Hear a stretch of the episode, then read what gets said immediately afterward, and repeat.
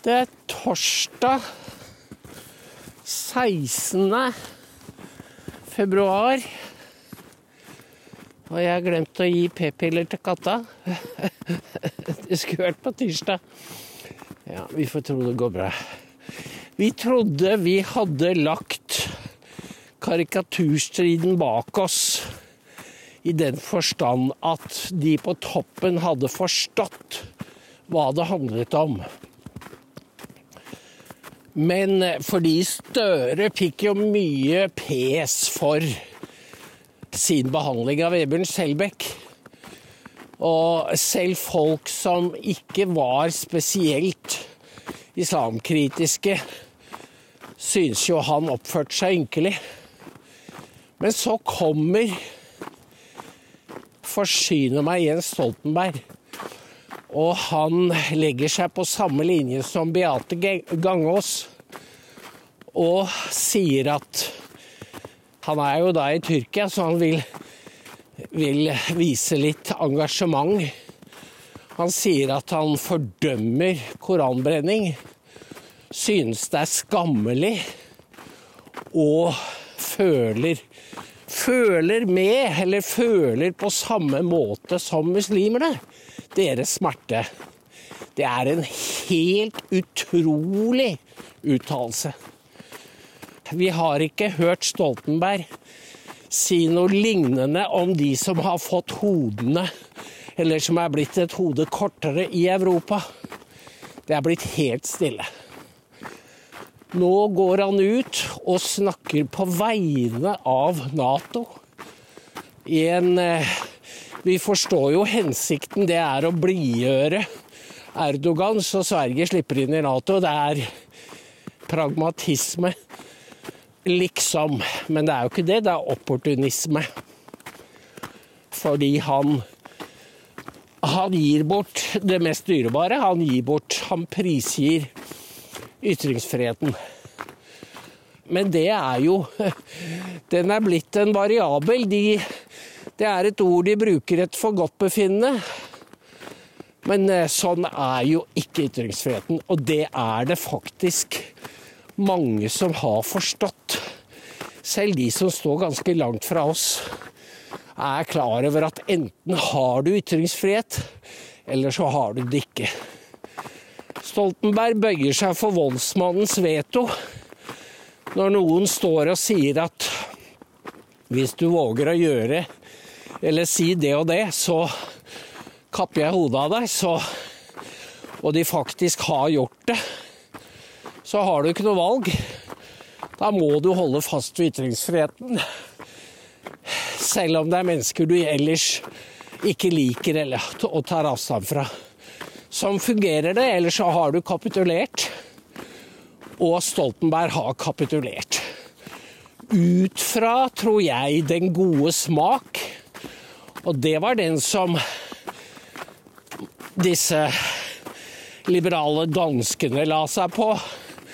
Politikken og Uffe Ellemann Jensen, det var anstendigheten. De var så anstendige, de som forsvarte karikaturtegningene. Og nå er vi tilbake der fordi Fordi nå er vi i krig. Stoltenberg bruker jo dette, denne situasjonen, til å parkere islamkritikerne. De er farlige for samholdet i Nato, og de truer seieren, for de skaper splittelse. Dette er Dette er Orwell eller Big Brother-logikk. Den er utilitaristisk. Den er bare opptatt av en bestemt virkning. Den bryr seg overhodet ikke om prinsipper. Men der har vi vært lenge. Det blir bare klarere. Så, sånn sett så er det jo greit at Stoltenberg sier det han gjør, fordi vestlige eliter har vært på vei mot dette standpunktet. De tar islams parti mot sin egen befolkning. Det gjør de. Og det vil være de som har en pris å betale.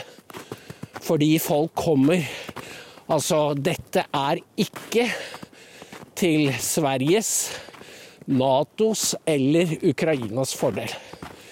Men det skjønner ikke Jens.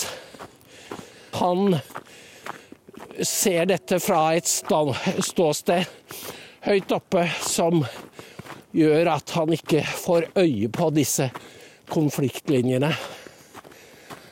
Og ville nok bli provosert hvis han fikk det presentert på denne måten, men det får han jo ikke av våre journalister.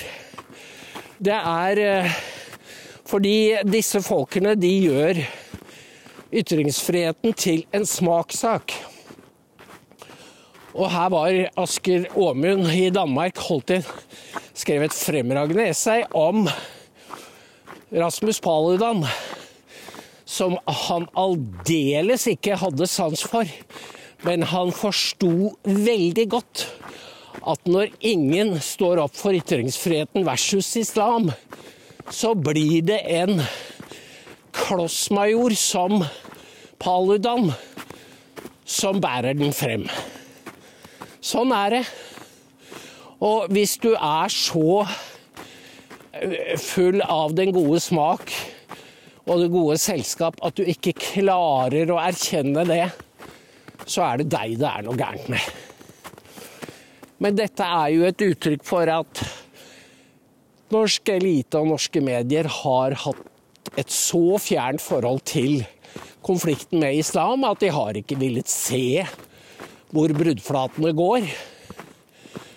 Og da tenker jeg på attentatet på Lars Hedegaard var det 13. februar for ti år siden. Det er nesten ikke til å tro. Lars Hedegaard skrev jo selv en veldig god artikkel om 'Jeg skulle vært død'. Det var et attentat som sjokkerte det offisielle Danmark. Så på dette møtet på Folketinget etterpå, hvor vi var, så var jo alt som kunne krype og gå. Men man har likevel ikke klart å mobilisere et forsvar for ytringsfriheten selv i Danmark.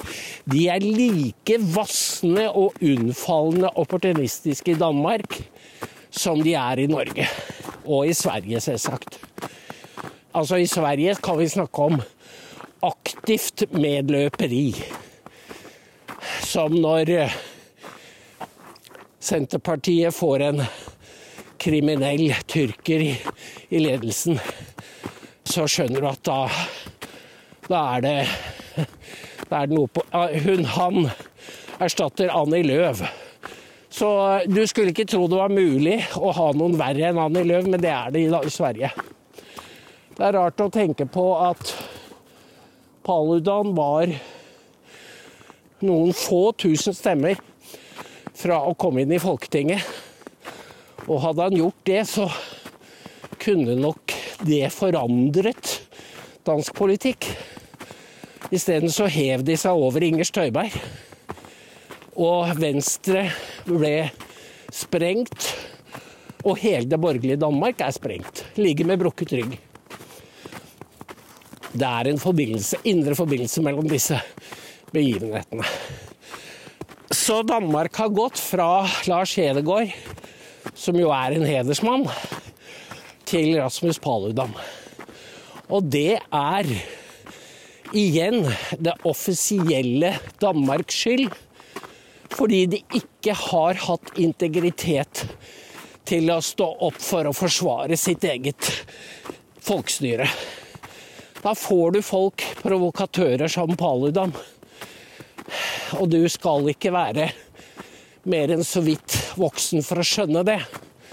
Men våre politikere og medier er jo opptatt av da å henge ut Paludan. Og det er, det er nok av ammunisjon å ta av til å gjøre det. Men det kan ikke skjule hvem det er som har gjort et fenomen som Paludan mulig. Og det er det vi er opptatt av. Og det forklarer Stoltenbergs uttalelse om at han ikke vil krenke islam. Dette er et ja til voldsmannens veto. Det er et godt dansk begrep. Hvis noen truer deg med vold, og du opptrer unnvikende, unnfallende, så vil voldsmannen vite at neste gang så er det bare å rasle med sverdet, så faller motparten til fote. Og blasfemi er jo bare én. Nå er blasfemiforbudet i realiteten de facto gjeninnført i mange land. Og som jeg sier, Beate Gangås nevnte også skoleundervisning som et eksempel på noe som kunne radikalisere. Du tror nesten ikke på det du hører. At det er PST-sjefen som sier noe så dumt. De vil ikke høre om islam. De vil ikke høre om Koranen. Og så har de Sanyar Matapour, som sitter på Han har sittet nå varetektsfengslet siden juni. Du kan ikke Du får nesten ikke disse virkelighetene til å henge oppe, så det, det gjør de jo heller ikke. Men det er altså de som styrer vår sikkerhet vår militære og innenrikspolitiske, som har så skjeve oppfatninger. Og dette blir jo selvsagt registrert både av salafister, vanlige muslimer og skolelærere f.eks. Og politikere som kappes om å integrere seg i islam. For det er det de gjør. Det er ikke de som integreres i oss, det er vi som integreres i dem. Erdogan er jo, er jo egentlig en fyr som har gått ut på dato. Han holdt på å kjøre Tyrkia i senk. Så uh, Jens hadde ikke Stoltenberg hadde ikke trengt å omfavne han og gi han denne seieren. Hvis man ser de lange linjene, så er de helt tydelige. Det er en sivilisasjonskamp innad i Vesten og mellom Vesten og islam. Og våre ledere gir islam innrømmelser som det kan, som det vil koste blod å ta igjen. For de har allerede kostet blod. La det ikke herske noen tvil om det. Og det vet jo dere utmerket godt. Og for hver innrømmelse så blir det litt tyngre å stå opp for ytringsfriheten. Det var jo danskene som oppfant ordet dominansvold. Og nå har jo Stoltenberg og Støre gått foran ved å underkaste seg dominansvolden. Det er den samme volden som tvinger norske gutter til å kysse skoene til eh, pøbel. Akkurat samme fenomen som de nå praktiserer på den store politiske scenen overfor en også en bølle som Erdogan. Parallellene til 30-årenes appeasement-politikk er jo helt slående. Og det, det gikk ikke bra. Vi får se hvordan det går. Vi må holde hodet kaldt. Jeg skal hilse fra Hanne, og hun har fremdeles nummer 13629 og blir veldig glad over å høre fra dere. Takk for i dag.